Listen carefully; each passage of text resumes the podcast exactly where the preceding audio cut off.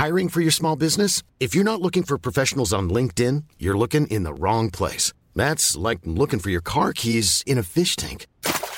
LinkedIn helps you hire professionals you can't find anywhere else, even those who aren't actively searching for a new job but might be open to the perfect role. In a given month, over 70% of LinkedIn users don't even visit other leading job sites. So start looking in the right place. With LinkedIn, you can hire professionals like a professional. Post your free job on linkedin.com slash people today. How would you like to look five years younger? In a clinical study, people that had volume added with Juvederm Voluma XC in the cheeks perceived themselves as looking five years younger at six months after treatment. Look younger, feel like you. Add volume for lift and contour in the cheeks with Juvederm Voluma XC. Reverse signs of aging by adding volume to smooth laugh lines with Juvederm Volure XC. For important safety information and to find a licensed specialist, visit juvederm.com. That's J U V E D E R M.com. Not for people with severe allergic reactions, allergies to lidocaine, or the proteins used in Juvederm. Common side effects include injection site redness, swelling, pain, tenderness, firmness, lumps, bumps, bruising, discoloration, or itching. There's a risk of unintentional injection into a blood vessel, which can cause vision abnormalities, blindness, stroke, temporary scabs, or scarring. Talk to a licensed specialist to find out if it's right for you. Spring is my favorite time to start a new workout routine. With the weather warming up, it feels easier to get into the rhythm of things. Whether you have 20 minutes or an hour for a Pilates class or outdoor guided walk, Peloton has everything you need to help you get going. Get a head start on summer with Peloton at onepeloton.com. Hallå och varmt välkomna till Kulturråden. Jag heter Soraya Hashim Jag heter Cecilia Sohaid Gustafsson. och vi är inte själva i detta rum. Nej. Vi har en gäst. Vi har en gäst. Och den här gästen har inte varit med förut. Nej. Men vi har varit taggade länge på att den här gästen ska komma. Sinnessjukt. Hej Fniss! Hej, Mats. Strandberg. Hej! Tack för att jag fick komma och fylla bögfaktorn när Palme. Det var ju snällt att jag kvalade in Du kvalade äntligen. in. Varmt välkommen på bara den meriten och ingen annan. Absolut, men jag tar vad jag får. För att sitta med dessa mustiga kvinnor. Men sant. Ja. Okej då.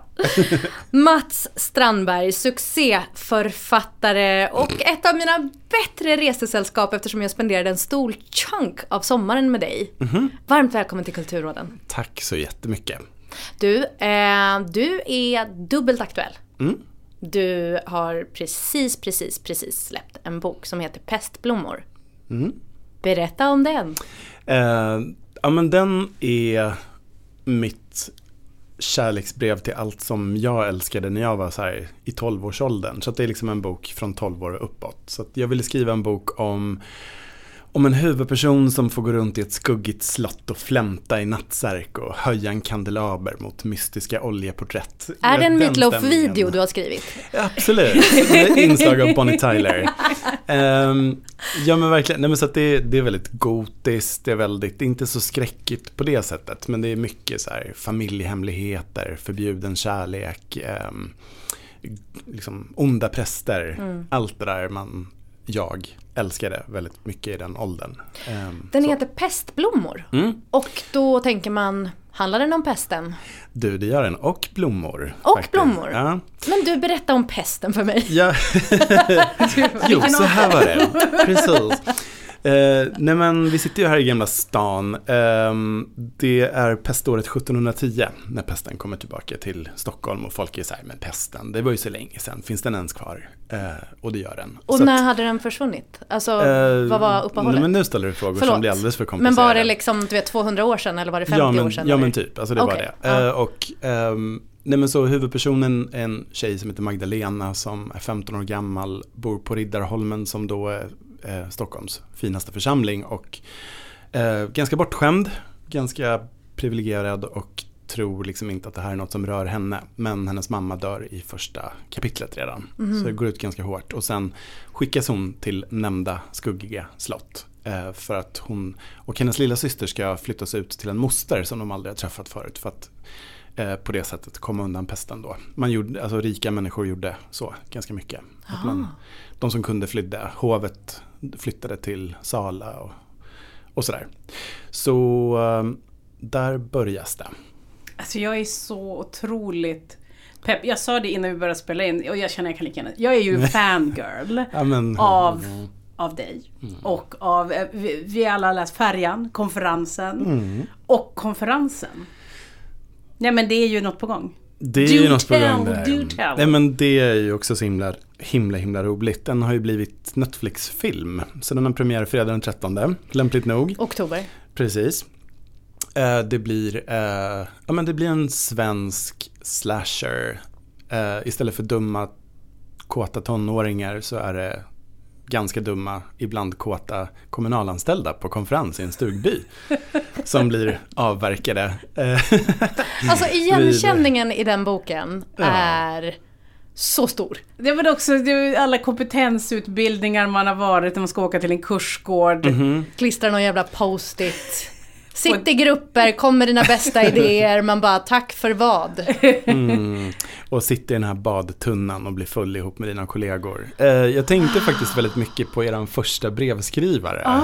Som ju skrev om den här sköna killen på jobbet som tog all cred. Finns med i konferensen. Ja, alltså det är ju så jävla kul för det är ju verkligen en viss typ av framförallt kvinnor som vet precis vem den här sköna killen är.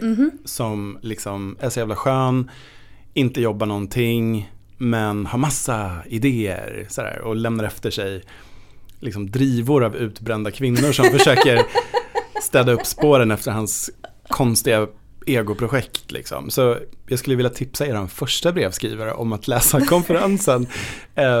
Jag ska inte spoila hur det går för den här sköna killen men jag tror att hon kommer att bli nöjd. Ja, det Eller man, man kan också se på film, Adam Lundgren gör ett fantastiskt Nej, jobb. är det, som- är det Adam Lundgren som är liksom den sköna killen? Ja, och Katja Winter är eh, våran brevskrivare Ah. kan man säga. Eh, ja, men det är också, det är, det är framförallt det som jag tycker är så himla himla kul. Att det är första gången jag har sett en film i den här genren som jag älskar så mycket. Men där alla skådisar faktiskt är helt otroliga. Det är ju Mm. liksom de och Eva Melander och Bahar Pars och det är liksom det är riktigt, riktigt bra. Det är crème de la crème. Det är crème de la crème och blood de la blood. Det är liksom paret von Bar som klämde in konferensen mellan Dune och Dune 2 för att göra special effects makeup. Så att eh, det blir göttigt i den där badtunnan kan jag i alla fall lova. Gud vad spännande. Nej, det kom, åh, jag längtar, Det blir, en, det blir en smoothie i den här badtunnan kan man säga. En blodsmoothie. Vi borde se den ihop. Gud vad mysigt, ja! Ja, kan vi inte göra det? Jättegärna.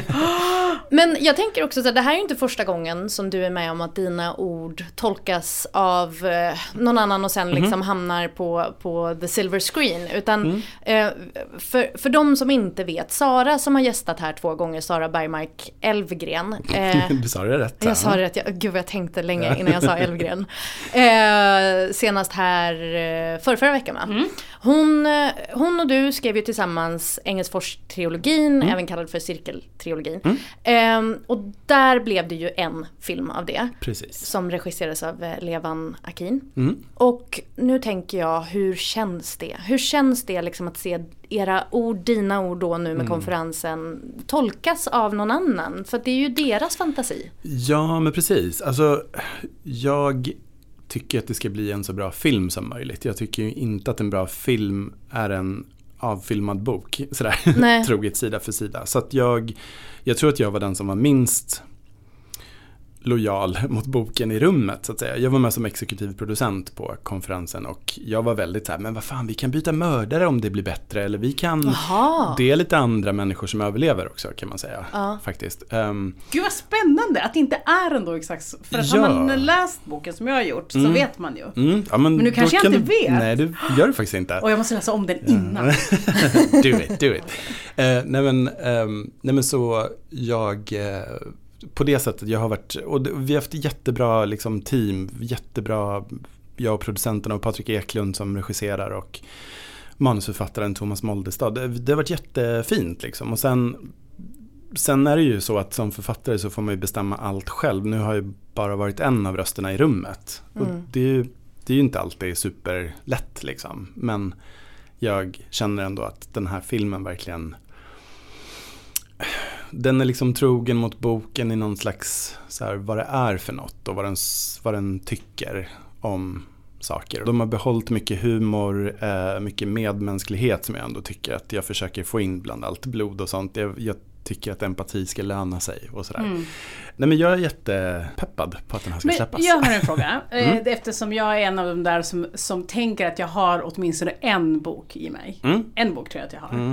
Eh, det låter smärtsamt. Eh, ja. om du ska vara bokstavliga. ja, det är smärtsamt på så många plan om du ska veta. Jag pratar med en person som på med samma projekt i snart 20 år. Mm. Vi, behöver inte, vi behöver inte fastna vid det. Mm. Eh, men när du nu har gjort, du har gjort pestblommor. Mm. Det har gjort, är du en sån, alltså Sätter du igång direkt sen med ett nytt projekt? Mm. Jobbar du per, eller är det så här, ah, Nej. Nu är det en, ett gott år av att bara inspireras och kanske vila lite. Alltså jag kanske borde skriva in till Kulturråden och få hjälp med det här för jag är inte så bra på det där. Ah, det är inte riktigt min melodi faktiskt. Så mitt sätt att liksom dämpa prestations... Eller så här, man kan ju absolut ha prestationsångest när man skriver fast det är ju mer ångest när man ska släppa något för det kan man ju absolut inte kontrollera själv hur det ska gå eller vad folk ska tycka. Så att den ångesten är ju tusen gånger värre tycker jag. Så då brukar jag dämpa den genom att vara inne i nästa projekt. Så att det liksom känns som så här, ja men om alla hatar det här och ingen vill ha det, då är jag i alla fall inne i nästa grej. Och den kommer säkert att bli jättebra. Det är liksom min metod. Mm. Men du, om du har den där boken, då kan ja. jag komma med ett litet minikulturrådets tips till dig. Ja, snälla. Det finns en jättebra essäsamling som just Sara tipsade mig om, um, så jag gick och köpte den i helgen. En bok som heter Den oavslutade litteraturen. Som är jättespännande om alla så stora författare som av olika skäl har varit tvungna att överge sina projekt eller inte fått ur sig något. Och den är så upplyftande. Åh, oh, jag behöver den så mycket. Du kommer att må så bra av den. Ska vi köra igång? Vi kör igång.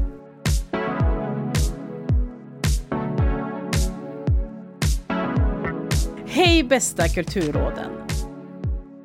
Jag är en person som tycker mycket om att vara ensam. Jag blir trött av sociala interaktioner och med folk utanför min familj. Jag är lyckligt lottad som har många vänner och dessutom bra människor. Inga energitjuvar, men ändå förlorar jag så mycket energi. Det jag brottas med är känslan av att jag borde umgås med vännerna och fördjupa mig i vänskaperna. Men ibland känns det som att det är rädslan att förlora dem som är min drivkraft, snarare än att jag känner det där suget att umgås med dem.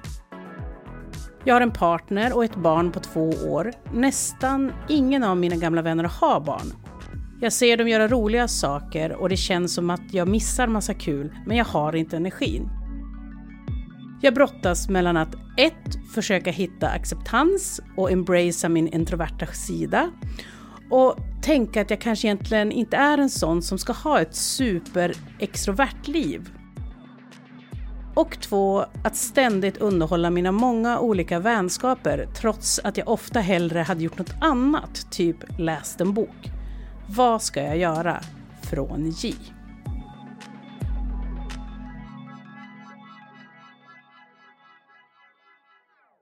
jag känner igen mig så otroligt mycket där. Alltså jag älskar och vara hemma. Nej men vad, alltså jag, jag kan inte gå in i hur mycket jag älskar att vara hemma. Är du kingen av hemma? Ja, det är jag. är kingen av hemma. Undrar också varför du inte har startat ett så här Cecilia Hemma-konto på Instagram. Mitt är ju så. det är faktiskt sant. Lite. Det, det, det, är så. Nej men det finns ju inget mysigare jag vet än att vara hemma. Jag älskar mitt hem. Varje sak hemma hos mig är liksom vald med omsorg. Just nu behöver jag en väggljusstake. Mm. Visst, eh, så på helgerna åker jag och min kille omkring på olika loppisar och jag tittar efter den där perfekta väggljusstaken.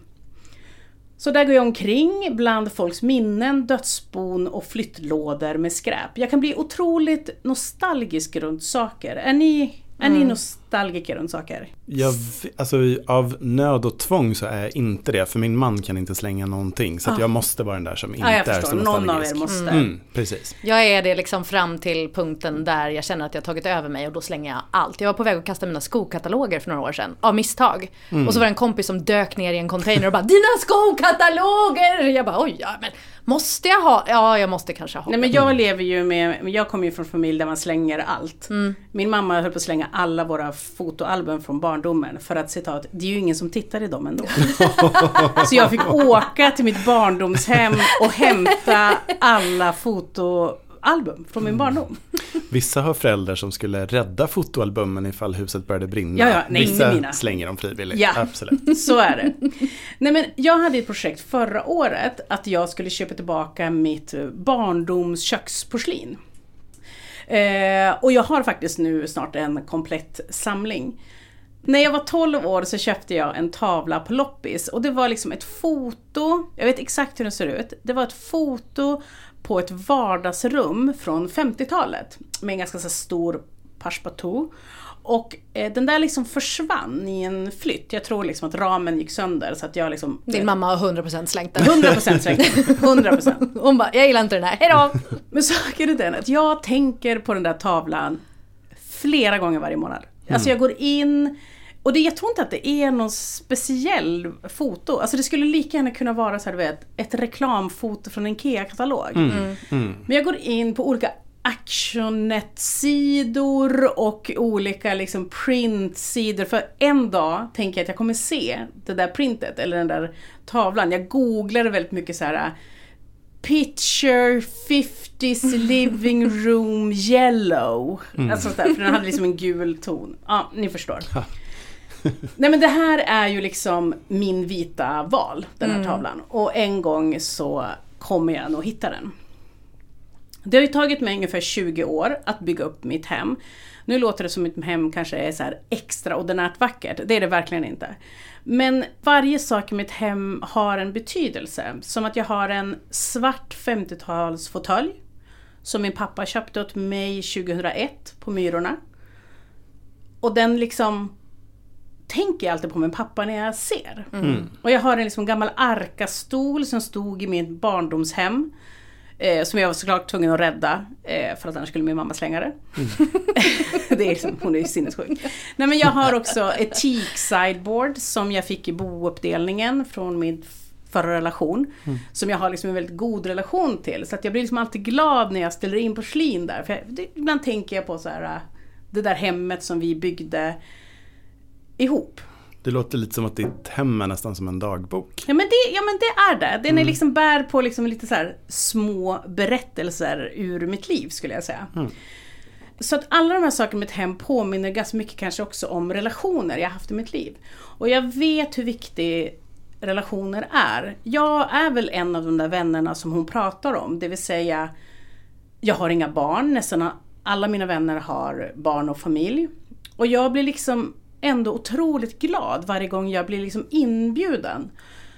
Även fast liksom deras barn är med och så vidare. Jag tror att det där är en grej man tror eh, när man har barn, att en singelvänner, varför ska de vilja komma hem till mig?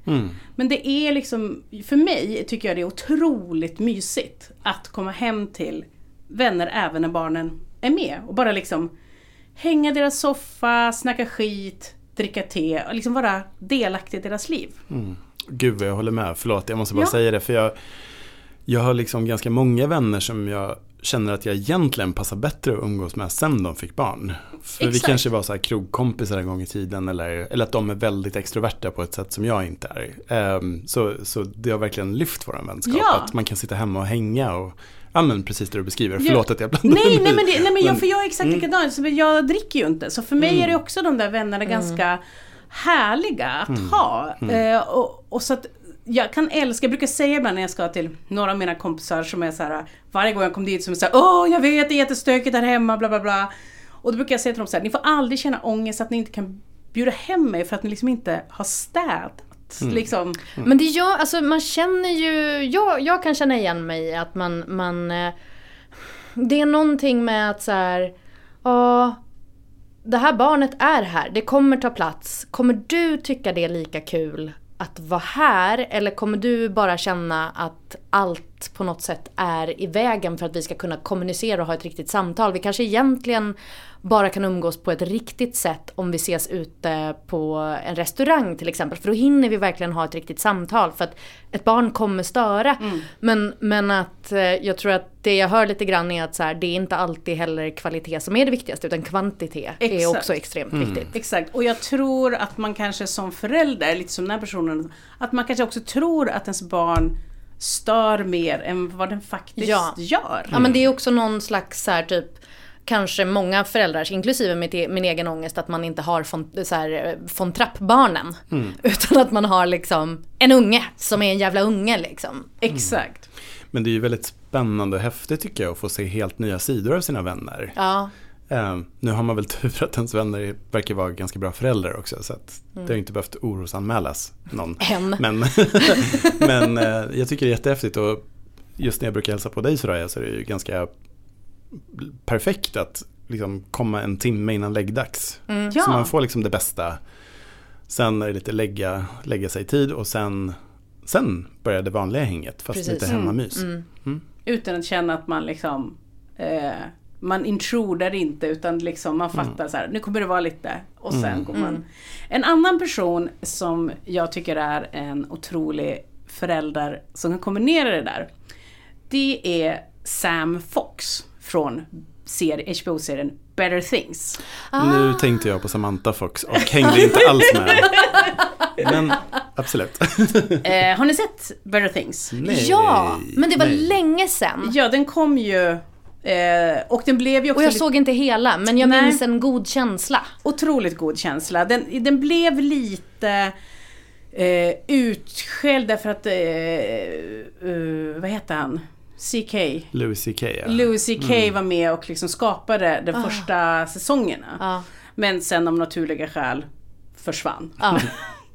och sådär. Men Better Things är en sorts eh, semi-självbiografisk historia där Pamela Adlon spelar då Sam Fox. Hon är liksom en frånskild kvinna, för detta barnskådis eh, som bor i Los Angeles men just nu gör liksom röstroller på tecknade filmer och gör lite så här birollsskådisinhopp kan man säga. Hon lever med tre döttrar, varav en under eh, under seriens gång eh, väljer att bli icke-binär helt enkelt. Eh, men när hon liksom startar upp så lever hon med tre döttrar. En brittisk mamma som är otrolig. Hon har varit med om i massa brittiska roller. Jag vet inte vad hon heter men hon är otrolig. Den här brittiska mamman bor liksom, Sam bor i, i, i kanske in the hills. Jag kan inte vad Vad, Angeles. vad, vad är det ens? Men det känns som att det är ett område som det är inte jätterikt men det är liksom eh, kulturellt. Eh, Liksom, kapital finns där. Och hennes mamma bor liksom huset mitt emot liksom, i sån där fantastiskt lite så här 50-tals hus. Ehm, jag har ju inga barn eh, men jag har liksom inte mindre än fem gudbarn. Och jag har ju berättat tidigare att jag gillar stämningar i böcker. Behöver nödvändigtvis inte alltid ha en, en handling. Vårt eviga krig. Vårt eviga krig. Och jag skulle säga, jag tänker att det kanske är därför du aldrig så klart den. För att Better Things har inte liksom en linjär berättelse utan det är liksom olika scener som beskriver liksom olika tillstånd skulle jag säga. Mina bästa scener i Better Things är när de är hemma i Sams hus och det finns liksom en fantastisk scen när hon sitter, alltså hon också hon har också otrolig inredning. Eh, det, det, det hör till, eh, ska jag säga. För det finns liksom, i det här huset, då sitter hon så här i sitt vardagsrum med hennes barn är där och liksom hennes vänner är där. Och ni vet, det är så tunga trämöbler, det är så persiska mattor. Det är den här perfekta gröna sammetssoffan. Där sitter hon och hennes vänner och dricker lite vin och de liksom pratar om eh, livet men också så här, den är ändå progressiv på det sättet att de pratar om aborter och så här, hur många aborter de har gjort och så vidare. Och Vilken var din bästa? Precis, Nej, men, och där sitter också hennes 15-åriga dotter.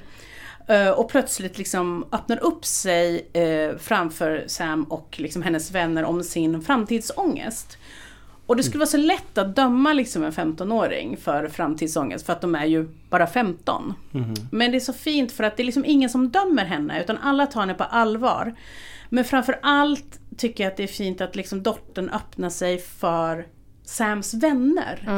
Och att det är liksom inte Sam som går in och liksom pratar till sin dotter. Hon är ganska tyst. Utan det är liksom hennes vänner som går in och berättar att så här, alla känner sig som en bluff. Att så här, jag är 46 och varje dag är jag till jobbet. och känner mig som en bluff. Och varje dag funderar jag liksom på vad ska jag göra av mitt liv?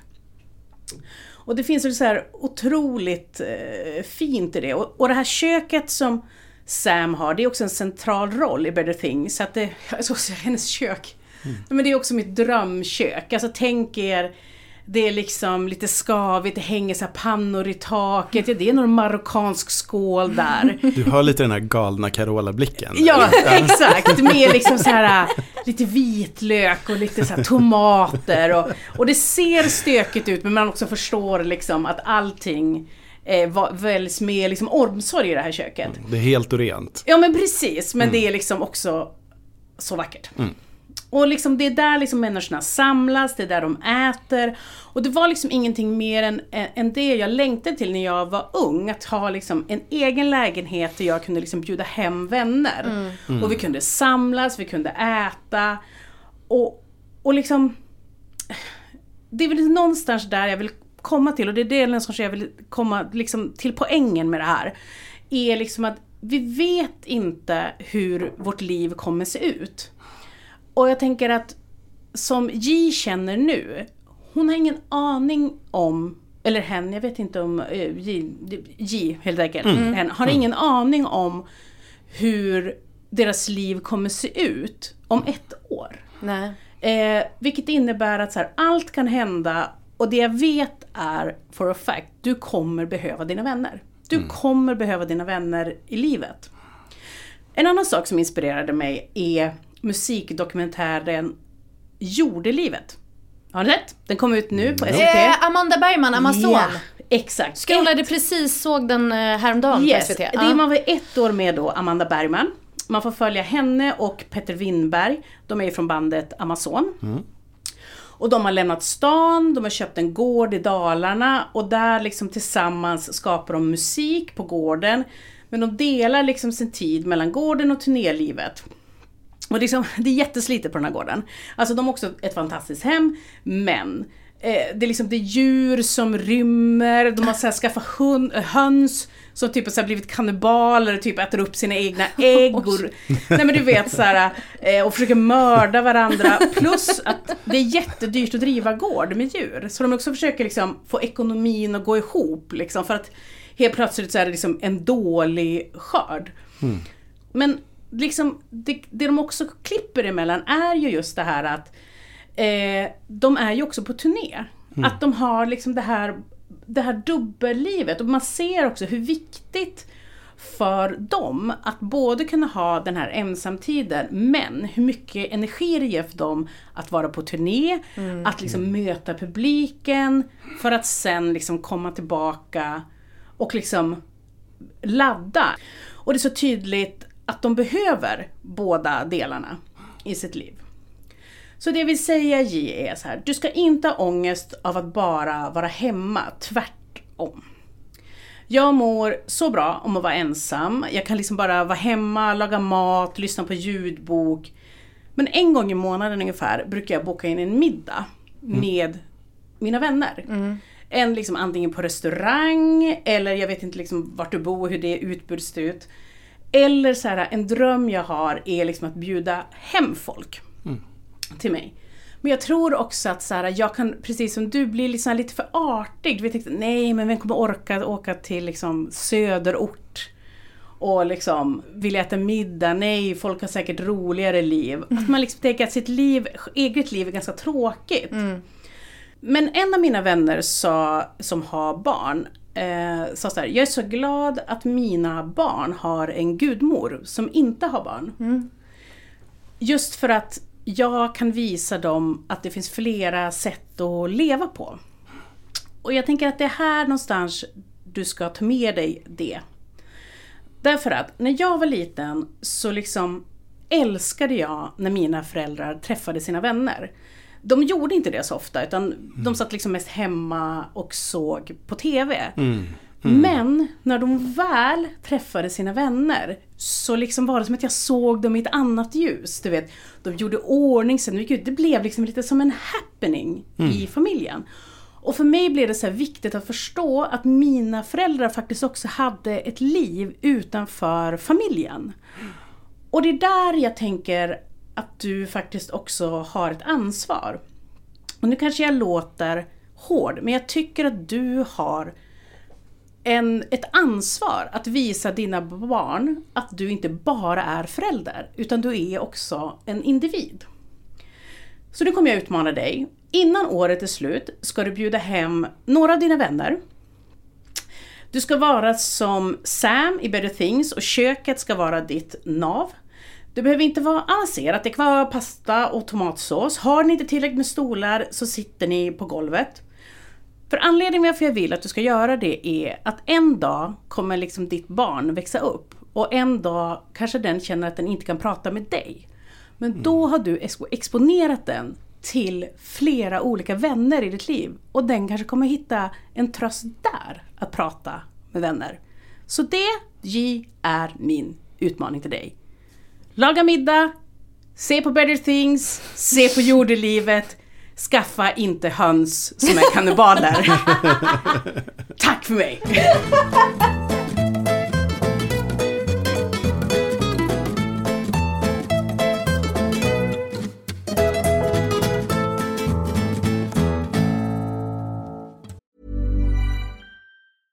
Selling a little or a lot?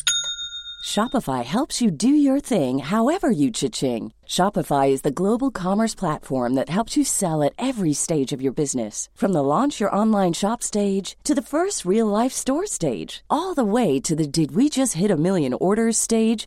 Shopify is there to help you grow. Shopify helps you turn browsers into buyers with the internet's best converting checkout. 36% better on average compared to other leading commerce platforms because businesses that grow grow with Shopify. Get a $1 per month trial period at shopify.com/work. shopify.com/work. I'm Sandra, and I'm just the professional your small business was looking for. But you didn't hire me because you didn't use LinkedIn Jobs. LinkedIn has professionals you can't find anywhere else, including those who aren't actively looking for a new job but might be open to the perfect role, like me. In a given month, over 70% of LinkedIn users don't visit other leading job sites. So if you're not looking on LinkedIn, you'll miss out on great candidates like Sandra. Start hiring professionals like a professional. Post your free job on linkedin.com/people today. Ja men hej J. Jag känner igen mig fruktansvärt mycket i det du säger, förutom att jag inte har barn.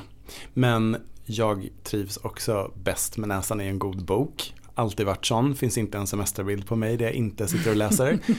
um, Eller sover och har somnat med en bok i famnen. Mm, absolut, det också. uh, nej men och, det är väl ingen slump att författarlivet passar mig väldigt bra. Um, nu vet inte jag när det här avsnittet släpps men just nu är det ju två veckor kvar till bokmässan och jag fasar ju redan för att trängas med hundratusen människor i Gotiahallen. Mm. Och känna att varenda... Där det också inte finns någon luft. Exakt, och varenda blick man möter liksom tar en liten del av ens själ.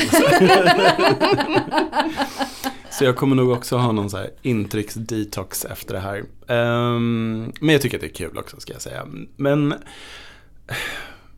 jag är lite inne på samma som du, att, att det här kanske också är en period. Att man inte ska bli så stressad och tro att jaha, nu blev mitt liv så här det kan ju, det kan ju verkligen gå över. Eh, kanske bara så enkelt som att man är jävligt trött när man precis har fått barn och liksom stora omställningar och sådär. Eller så kanske dina vänner är jättetråkiga och du precis har upptäckt det. för, det för det är faktiskt någonting jag tänkte på när jag läste det här att det är också ganska klassiskt att när man är med om så här stora omvälvande grejer så händer det också saker. Um, inga jämförelser i övrigt, men jag tänkte på när jag blev sjukskriven för utbrändhet 2004 att det var jättejobbigt på jättemånga sätt förstås, men det blev en sån naturlig utgallring av vilka jag faktiskt umgicks med. Mm. Um, och inte så att så här, åh, jag gjorde mig av med så här folk, men, men, men att det, det, kom så naturligt och ofta ganska överraskande vilka jag faktiskt var sugen på att träffa. Vilka jag kände var bra och nyttiga för mig och vilka som mina nya förutsättningar funkade bra. Jag kunde inte ens gå utanför dörren så det blev mm. ju väldigt mycket bjuda hem folk. Um, och det var ganska skönt, tycker jag. Och det kanske är lite det som händer också, att man upptäcker att ja, men vi, är inte så, vi har inte så samma behov just nu. sen kan det komma tillbaka även med de vänskapsrelationerna. Mm, exakt, och något som jag tänker att man, nu, nu vet vi inte hur gammal J är, men Mm. jag då som är lite äldre. att man faktiskt också kan byta vänner. Ja. Jag tror att man glömmer bort det ju äldre man blir. Att man tänker att det är liksom, om man blir av med vänner då, då liksom bara blir man av med mer och mer vänner. Men det är inte sant. Man kan Nej. faktiskt också bara byta en bekantskapskrets. Det är liksom fullt, fullt möjligt. Mm, precis, och jag tycker det behöver inte vara ett diskvalificerande av de vänner man har haft förut som inte längre funkar. Utan det kan vara så här, vi passade så himla himla bra ihop under en viss tid i livet. Ehm, sen ska jag ju säga också att jag har varit på den andra sidan av den här frågan och det kan ju vara jättesmärtsamt när vänner skaffar barn och plötsligt bara är intresserade av det och man känner jaha, då dög man inte längre. Sådär. Så att jag menar det här är ju superkomplicerat såklart. Men jag, jag, jag vill ändå liksom slå ett slag för det här med att vara introvert, att vara okej med det också. Att inte skuldbelägga sig själv så himla mycket för det. För mig var det ju som sagt att vara, bli sjukskriven var liksom det sätt jag upptäckte på att jag är ganska introvert. Jag tycker om att träffa folk, eh, jag tycker jättemycket om att hänga med vänner men, men jag blir ganska trött efteråt. Det är inte där jag får energi, det är inte där jag laddar batterierna utan jag behöver, då behöver jag detoxa ett tag efteråt. Och jag tror ju att, känns det inte som att det här upptäckte ganska många under pandemin? Jo. Att- jo, det tror jag verkligen. Att det var faktiskt ganska skönt att inte ha så höga krav på att vara ute och vara härlig och dricka rosévin och liksom Nej men folk flyttade ju till landet. Ja. Och jag, alltså, det är också så många människor. Nu känns det att vi har kommit tillbaka lite för nu har det ju gått några år. Mm. Men jag har ju kompisar som var så här att det är så skönt att kunna skylla på pandemin för att Mm. kunna ställa in saker. Ja men precis och liksom att man fick nästan lite så här 70-tals förväntningar på tillvaron. Att så här gå ut och grilla korv några stycken en timme. Det kunde räcka gott för att göra en helg lite festlig. Gud ja, men också tycker jag att det märktes när, när allting körde igång igen. Att liksom folk var ur fas, men också lite saknade isoleringen från pandemin. Ja men det blev liksom två läger tycker jag. Vissa blev ju verkligen som att det var en stor rumspringa Ja. typ för alla och bara "Ah, äntligen och gå ut och slicka på alla Nej, ansikten men jag träffar. jag alltså reggade Tinder. Nej, men det var så snabbt. Varvade. Nej, men det var rumspringa. Mm. så det, ja med besked. Jag såg väldigt många exempel på att folk faktiskt fick lite en så här ny insikt om sig själva. Jag tänkte på den här, nu är inte jag lika häftig som ni som har TikTok, men på Instagram, som jag är på. Nej, men jag har sett Dit lite, allting kommer två veckor senare. Ja, precis. Eh, så har jag sett det här JOMO. Har ni sett ja. det? Jag Ja. älskar det. Joy of missing out istället för FOMO. Jag tycker det är så himla bra. Det är så skönt. Men då tänker jag så här att om man nu inte vill gå ut och vara på krogen med sina vänner eller vad nu J gjorde förut som hon upplever att hon inte dras till längre. Hon vill ju helst sitta och läsa en bok.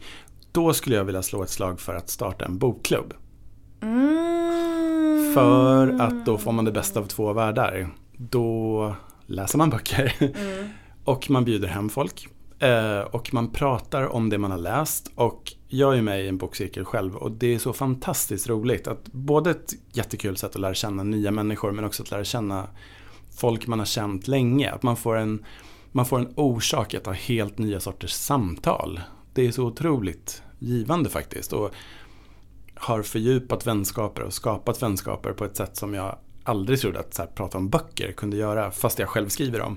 Så är det så otroligt fascinerande att se hur, hur folk man tycker är lika kan ta med sig helt andra saker från en text. Eller liksom, en bok kan slå an någonting helt annat i mig än i dig och varför då? Och, jo men det beror på det här som jag har varit med om eller det fick mig att tänka på det. Det är ett fantastiskt sätt att umgås. Men alltså, och er bokklubb som ni har, som har hållit på jätte, jättelänge. Mm. Den är ju, den är ju så här bokklubbs utopin. Eller ni, Bokklubbens bokklubb. Ja, alltså den är som så här, en sån bokklubb som är med på film. En film där säkert Jane Fonda är med igen i något så här långt vitt sjok. Och så Eh, är de i Sam Fox kök. 100 procent. Och rör i en gryta medan någon berättar något smart från en boken. Jajamän. Ja, precis. Och Eller inte så smart. Det är högt och lågt kan man säga. Det är mycket lådvin också. Det är inte så pretto. Utan det är liksom en påse Polly, lite chips och lådvin. Det är det enda man behöver. Men ni har liksom, ni verkar ha blivit så fina vänner genom den. Ja. Ni verkar liksom umgås mycket. mycket. Ni verkar verkligen tycka om varandra. Ja, liksom. och det som vi gjorde, det var jag och en tjej som heter Silla som startade den här bokklubben. Och det vi gjorde, det var att vi var de här som alltid träffades på fester genom vår gemensamma kompis och var så här, jag gillar dig, Mm. ah, jag gillar dig också. Vi borde gå och fika själva någon gång och så blir det aldrig av. Ehm, så vi var så här, vi startar en bokklubb och så bjuder vi bara in fem personer var som som vi också är så här emot. Folk Mm. vi gillar men som vi inte har något forum riktigt för att träffas eller det, det blir aldrig av. Men startar man en bokklubb så blir det av. Ja. Och det är så jävla bra. Alltså de här människorna känner ju mig på många sätt bättre än många av mina vänner från, från skoltiden. Just för att man har gått via böckernas värld och de böcker man läser. Och där har vi också verkligen valt högt och lågt. Så det var mitt så lite mer generella tips då. då. Men sen hade jag lite som du en tv-serie som jag tycker är otroligt fin inspiration till allt i livet egentligen. Men som passade extra bra till den här frågan. För att apropå det här med att det är inget som säger att J's liv kommer att se ut så här för all framtid. Utan det här kanske är en period just nu. Um, Pantertanter. Nej vad? Från Nej! 80-talet. Nej! Jag vill bara säga att, åh gud. I, när jag satt och skrev igår så tänkte jag så här, för jag satt och tänkte på inredningar, apropå livets Ja. inredning i Panter, allt går ju aprikost. Japp. Att jag, och, och de där Sephora, oh, nej jag ska inte gå in i det. Men då tänkte jag, åh, jag måste tipsa om Pantertanten en gång. Och så tog du den. Ja men det är väl ändå den ultimata serien för J tycker jag. För att där, alltså gäng 60 plus kvinnor ehm, som inte känner varandra från början. De är änkor eller frånskilda, barnen är utflugna. Ehm, de har problem på jobbet, de dejtar, ehm, de flyttar ihop för att spara pengar. De äter cheesecake direkt ur kylen. Ehm, det är ju liksom Sex and the City för Fast mycket, mycket bättre, mycket modernare och mycket roligare. Och jag mår så himla bra bara av den här inspirationen att så här, men gud vad man kan ha det gött när man blir gammal också. Förhoppningsvis, om man får vara frisk, bla bla bla, etc. etc. Vem men, är du i Pantertanter? Alltså jag vill ju vara Dorothy som är motsvarigheten till Miranda i Sex and the City. Den, den liksom sarkastiska, eh, ironiska, smarta. Ehm, men jag är inte säker på att jag är det. Målbild. Eh, jag kan, ja men precis, målbild, definitivt. Men det, det är sådär, man kan ju känna igen sig i alla. Och ha sina favoriter som kommer och går. Och sådär. Jag är Blanche. Du är Såklart. så Blanche. 100 procent. Oh ja. Jag tror tyvärr att jag kanske är lite Rose. Åh Mats. ja, Vad, he, vad heter Bis mamma? Alltså den äldsta av dem? Sofia. Sofia. Ah, hon vill jag vara. Mm. Och hon är ju dessutom äldst, så hon, det är väl henne vi får som inspiration när vi är 60 plus. Att Ja. här, det kan bli bättre även när man är 80. Liksom. Eh, nej men så definitivt 100% Pantertanter. Eh, finns på Disney Plus nu vet jag. Jag har ju förstås boxarna då, då men ändå. Gud, jag har ju, och jag måste se det här. Ja, det var jättelänge sedan. Jag har Ja. liksom inte sett den sedan den gick på TV. Men låten sitter som berget i mig. Alltså jag älskar den Thank låten. you for being a friend. Du, Ba, ba, ba, ba. Nej men den är så himla bra och den är faktiskt väldigt, ehm, den är otroligt modern för sin tid och tar upp väldigt, ehm, alltså ämnen som fortfarande skulle vara ganska kontroversiella, tyvärr. Ehm, så gud, se den. Hur lång är enkelt. den? Hur mycket finns det av Pantertanter? Undrar om det kanske är 6, 7, 8 säsonger någonting. Ja, med typ 20 i varje eller? Ja, någonting sånt. Ja. Så här 23 minuters avsnitt. Mm, perfekt. Perfekt. Ja. Perfekt. Kolla på det medan man äter en lunch eller någonting. Så det var mitt första tips. Ehm, sen skulle jag också, eftersom jag skriver skräck och fantasy, jag skulle också vilja tipsa om genren överhuvudtaget. Att den är ju full med introverta hjältar. Om man vill känna lite inspiration så. Från Batman till Elsa i Frozen. Mm. är ju nästan ett tips känner jag. Att kolla på Frozen helt enkelt. Mm. Den är fin. Jag har inte sett. Sett den ganska många gånger. Ja, exakt. Du, J har ju också ett barn som hon kan använda som ursäkt om i alla fall ett par år. Hon, Jag har ju hört låten väldigt många gånger. Mm. Men jag är inte så förtjust tecknat och inte humor. Nej, nej, den är inte humor. Däremot så är den en jättevacker skildring av, alltså faktiskt, jag såg den första gången innan barn. En jättefin skildring av liksom kärlek och eh, systerskap och höra ihop och att liksom kämpa för någon. Jättefint. Mm.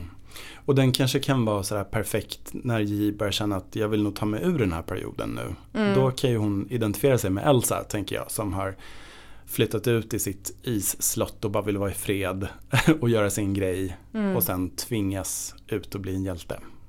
Och sen mitt tredje tips är om J känner att hon behöver ett anthem för sitt nuvarande livsval. Så finns det ju en låt som beskriver precis hur det känns och att det är helt okej. Och det är ju Hello Safe Rides låt, Traveling with HS. Har ni hört den? Nej! Inte top of mind, nej. Men får jag försöka stammande läsa upp Ja! två textrader som jag tänker J kommer att känna igen sig i. I just want to spend more time with my mind. It always surprises me every time and none of you ever do. It doesn't mean that I don't love you.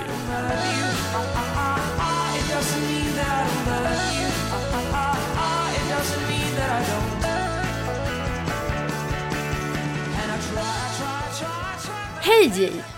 Du och jag är helt olika människor. Alltså verkligen. Om jag är hemma för många dagar i sträck så får jag total panik. Eh, jag mår dåligt, jag känner att jag vill spy över allting. Jag kan inte andas och eh, jag blir typ deppig. För att till skillnad från dig Mats, så du sa det här med att ladda batterier. Mina batterier laddas av att jag träffar människor. Om jag bara sitter hemma med mina närmsta så, så laddas de inte på samma sätt. Jag kan inte sitta och stirra in i de här jävla väggarna något mer. Liksom. Jag måste ut. Ehm, innan barn så hittade jag på så mycket saker varenda kväll att eh, jag, jag spann upp mig på ett sånt sätt att till slut så kraschade jag. Eh, och då, då var det liksom att så här, Jakob, min kille, fick tvinga mig sitta hemma. Han bara, nej men nu tar du en kväll hemma. Man bara, "Ugh, men jag måste, okej då. Ah, tar en kväll och så var det precis det jag behövde. Och så laddade jag batterierna lite grann på hemmafronten och sen ut igen och veva och så krascha. Och så ut igen och veva och krascha. Med barn är det ju absolut krångligare eftersom det finns en skuldfaktor. Eh, men om jag skulle vara hemma alla dagar i veckan så skulle jag må piss. Det går inte, jag är inte byggd så. Mm.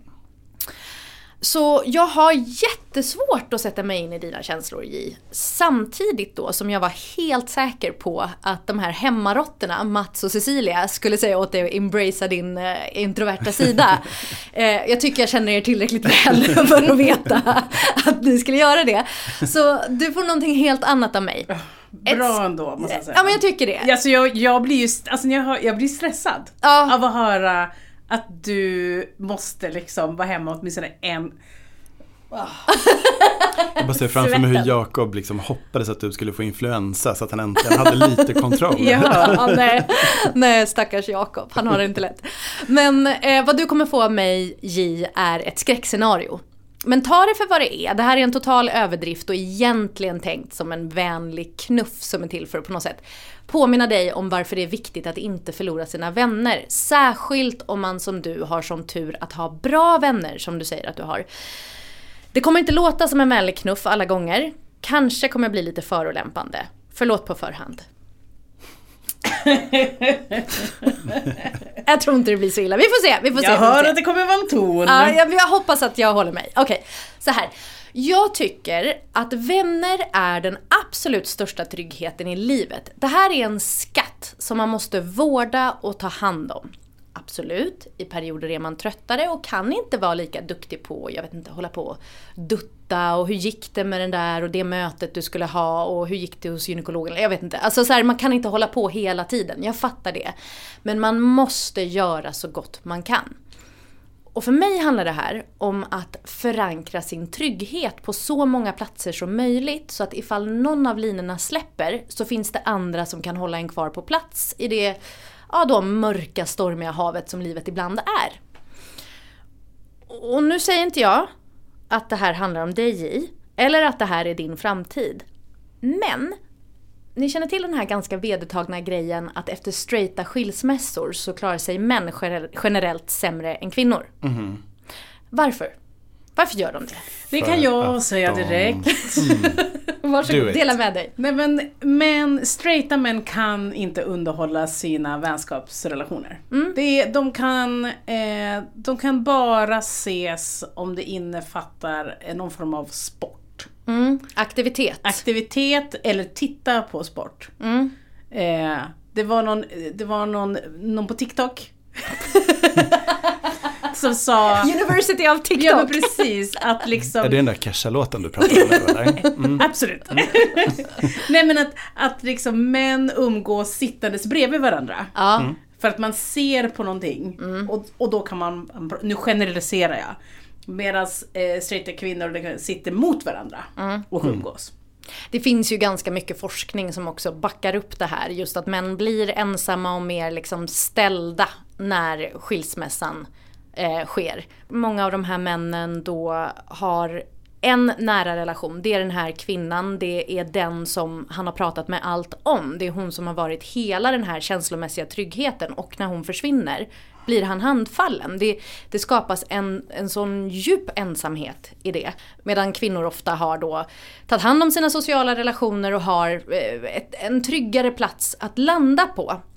Och jag vill bara ta den bilden och så lägger vi den här lite på sidan. Så att den bara, det, det behöver inte vara du, men den ligger här på sidan på vårt lilla bord så att vi har med oss den. Eh, för om vi drar detta till sin spets så skulle det kunna vara elden du leker med. Om vi då tittar på vännernas perspektiv.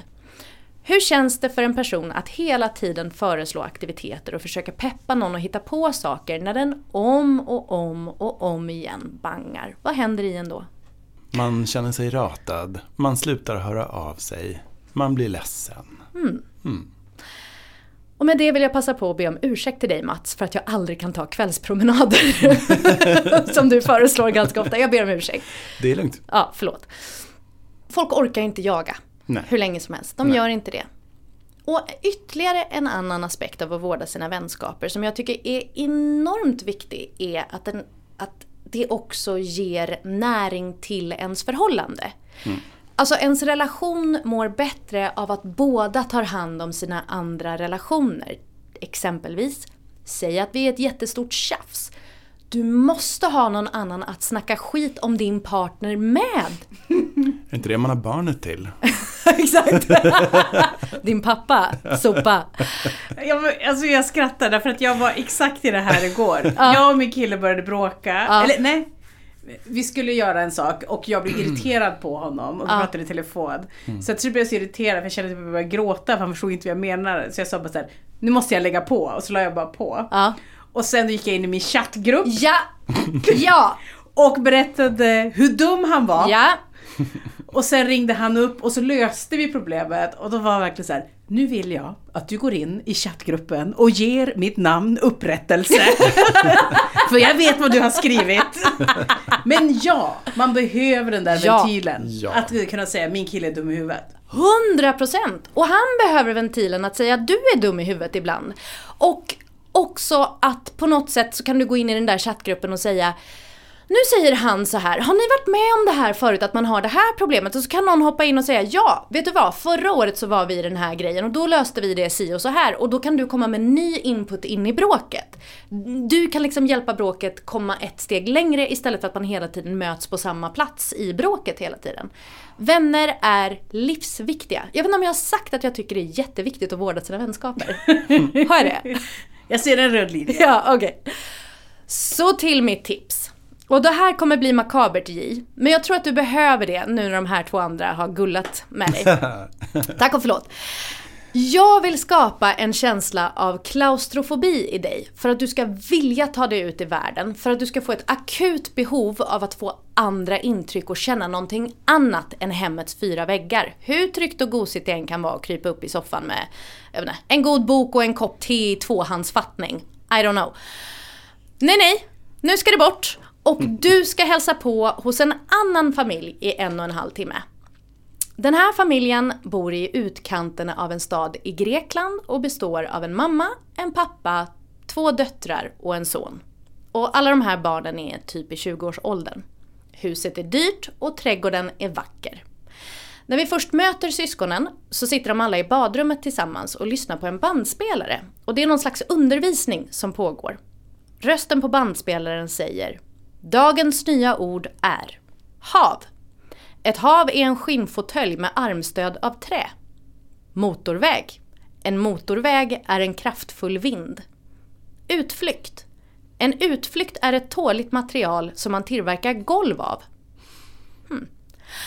Sen börjar de här barnen prata om att tävla i vem av dem som kan hålla sitt finger i varmvatten längst. De är vuxna men de pratar och agerar som barn gör. Och ganska snabbt så förstår man att de här vuxna barnen är inlåsta i sitt hem av sina föräldrar. De vet nästan ingenting om världen utanför. Bara att den är farlig och att man kan dö om man tar sig utanför hemmets gränser. Allting utanför är hotfullt. Deras föräldrar har skapat en alternativ verklighet för de här barnen för att hålla dem hemma och kontrollera dem. Eller kanske för att aldrig förlora dem. De här barnen, de har inga namn, utan de benämns utifrån i vilken ordning de är födda. Det sägs också att de har haft en till bror men att han lyckades ta sig ut och nu är han fast på utsidan. Allt utanför den här trädgårdens gränser är ett hot. Börjar ni känna igen med den här Ja. filmen? Ja, Jag har sett den här filmen och den, alltså jag som kollar på skräckfilmer utan problem fick så mycket panik så att jag Mm. inte kollade klart på den. Kanske Ja. för att jag kände min, mitt framtidsscenario. Mm. Jag har bara sett eh, trailern och det räckte för mig. Den var jättebra fram till dess ska Mm. jag tillägga också. De här barnen, de underhåller sig hemma med att leka barnsliga lekar, typ vem kan hålla andan längst, vem är starkast och så vidare. Deras favoritsysselsättning är att titta på video, men det är bara videos som pappan har filmat med hemkameran. De får inte få någon uppfattning om vad som egentligen finns där ute. Och alla ord som skulle kunna skapa ett behov av en kontakt med världen utanför lär de sig har en annan betydelse än de egentligen har. Till exempel en telefon, det är inte någonting som du kan kommunicera med eller skaffa hjälp med, utan det är bordsalt. Typ, mamma, kan jag få telefonen tack? Vid middagen. Filmen jag pratar om heter Dogtooth och kom ut 2009. Och det är en vidrig upplevelse att se den här filmen. Jag såg den bara häromkvällen. Men rekommenderar du den? Ja, ja det Jag jag. då som bara sett trailern, ska jag liksom ge mig i kast? Men jag tycker ju att, jag, jag älskar ju mainstreamfilm. Jätte, jätte, jättemycket. Men kanske just för att jag tittar på så himla mycket mainstreamfilm så, så behöver jag ibland skakas om av någonting som är något helt annat. Och jag klarar ju inte skräck. Men psykologiska thrillers eller liksom ehm, typ Mikael Haneke, den typen av grejer. Det får mig att känna, tror jag, samma starka känslor som, som man kan känna när man ser skräck utan att det finns några jump scares på det sättet. Eller det finns det ju lite också. Men mm, ja, jo men jag kan rekommendera den just för att den gör saker med en. Den får dig att känna något och det, jag gillar det. Att något händer i en. Man får ju välja en, en kväll när man mår ganska bra och vill förstöra det. enkelt. För man, man ska ju inte se den när man redan mår dåligt. Okej. jag Nej det får du inte göra, nej. Eller bara neutral typ, jag vet inte vad jag ska se. Då kan du välja den. Den här finns på, den finns både, just nu i alla fall, både på HBO, Amazon Prime, Cineasterna och Draken. Den är gjord av Yorgos Lantimos och han är aktuell med sin nya film Poor Things med Emma Stone i huvudrollen som precis har fått Guldlejonet på Venedigs filmfestival. Och kommer öppna Stockholms filmfestival i november läste jag precis. Palmer och jag har haft en liten konflikt på vårt Instagramkonto om den här Poor Things häromveckan. Jag vet inte om ni har sett detta? Nej, Nej. jag har inte känt mig Du- updated på viktiga kulturbråk. Nej, ehm, eh, Cecilia, följer du inte vårt egna Instagramkonto, Kulturråden? Jo, det där det här gör jag. bråket hände. Jo det gör jag. Men jag följer väldigt många konton. Ja, ja, ja, ja. Så här, han var väldigt opepp, jag var jättepepp och la ut trailern och bara “Kolla, gud vad fett, längtar!” Han bara "Åh!" Och sen, ja, så sa han, han så här, jag, jag tror inte att han gillar Jorgos Lantimos, han, eh, det, samma snubbe som då har gjort The Lobster med eh, Colin Farrell. Jag är svinpeppad, han är inte det. Han får försöka vara sig själv nästa vecka om han nu vill. Men nu är han inte här så jag kör på. Dogtooth är absurd. Den är obehaglig, mörk, påträngande. Och den gör att den här platsen som ska vara den tryggaste av alla, hemmet, blir ett fängelse. Föräldrarna är naturligtvis brutala sadister som inte drar sig för att plåga sina barn samtidigt som de är helt övertygade om att de gör rätt. Vilket ju är ännu obehagligare. Att det finns liksom inga tvivel i dem överhuvudtaget. De är så samspelta och verkar aldrig någonsin ha haft någon konflikt om det här utan de bara, ja, så här gör vi i vår familj. Men det är ändå viktigt att vara överens om hur man ska uppfostra sina barn. Här det är verkligen sant. Är, De är ändå samstämmiga, det ska man ge dem. Bra betyg till deras relation tycker jag. Du har verkligen helt rätt, jag har inte tänkt på det på det sättet. Det är absolut inte svårt att dra paralleller till Josef Fritzl eller filmer som Bad Boy Bubby från 93. Man mår inte bra när man har sett den här filmen. Och J, det är 100% poängen. Jag vill att den här filmen ska skapa en känsla i dig om att världen utanför din trygga lilla vrå är någonting du vill till, inte någonting du ska gömma dig ifrån. Och jag har ju då som sagt förlitat mig på att Mats och Cecilia ska vara snälla och klappa dig medhårs. Så att jag ska få utrymme att vara det lilla aset som kort och gott säger så här. Du har råd att upprätthålla dina relationer med dina vänner. Och känner du inte att du har det, ta dig råd. En gång i veckan kan du absolut träffa någon eller några av dina vänner. Kolla hur det är med dem, skvallra lite, snacka lite skit, äta och dricka något gott. Och däremellan så kan du skicka vidare lite roliga memes eller TikTok-klipp till dem för att hålla dem lite varma. Alla andra dagar i veckan kan du läsa din bok. Gör det bara! Puss och kram, lycka till!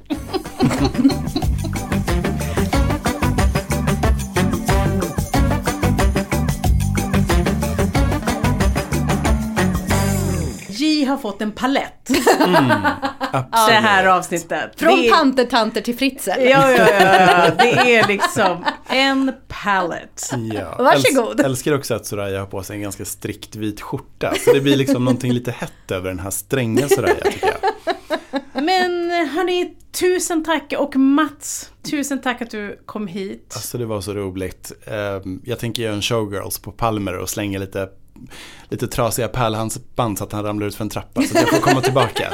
Du är så välkommen att komma Ja, tillbaka. Vi, tack. vi längtar redan till nästa gång det sker. Följ oss på Instagram, på Kulturråden, för där kan ni se alla våra tips och ibland kan man se kulturbråk. Jag råkar missa dem ibland, men ibland är jag delaktig. Who knows? Men just tipsen är väldigt, väldigt bra, för man glömmer. Jag Ja. är ju en sån som glömmer och då eh, har jag hänt flera gånger att jag varit så här, ska jag kolla på något? Och då går jag in på Kulturråden och tittar på olika tips eh, som jag själv har missat. Så eh, det är ett supertips. Tack till Nöjesguiden för att vi får vara här som vanligt.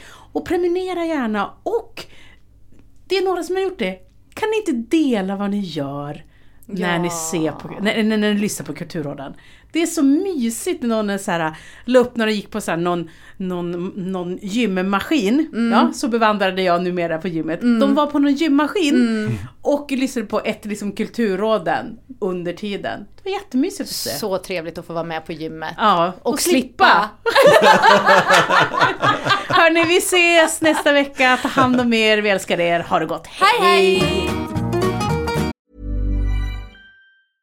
Selling a little or a lot?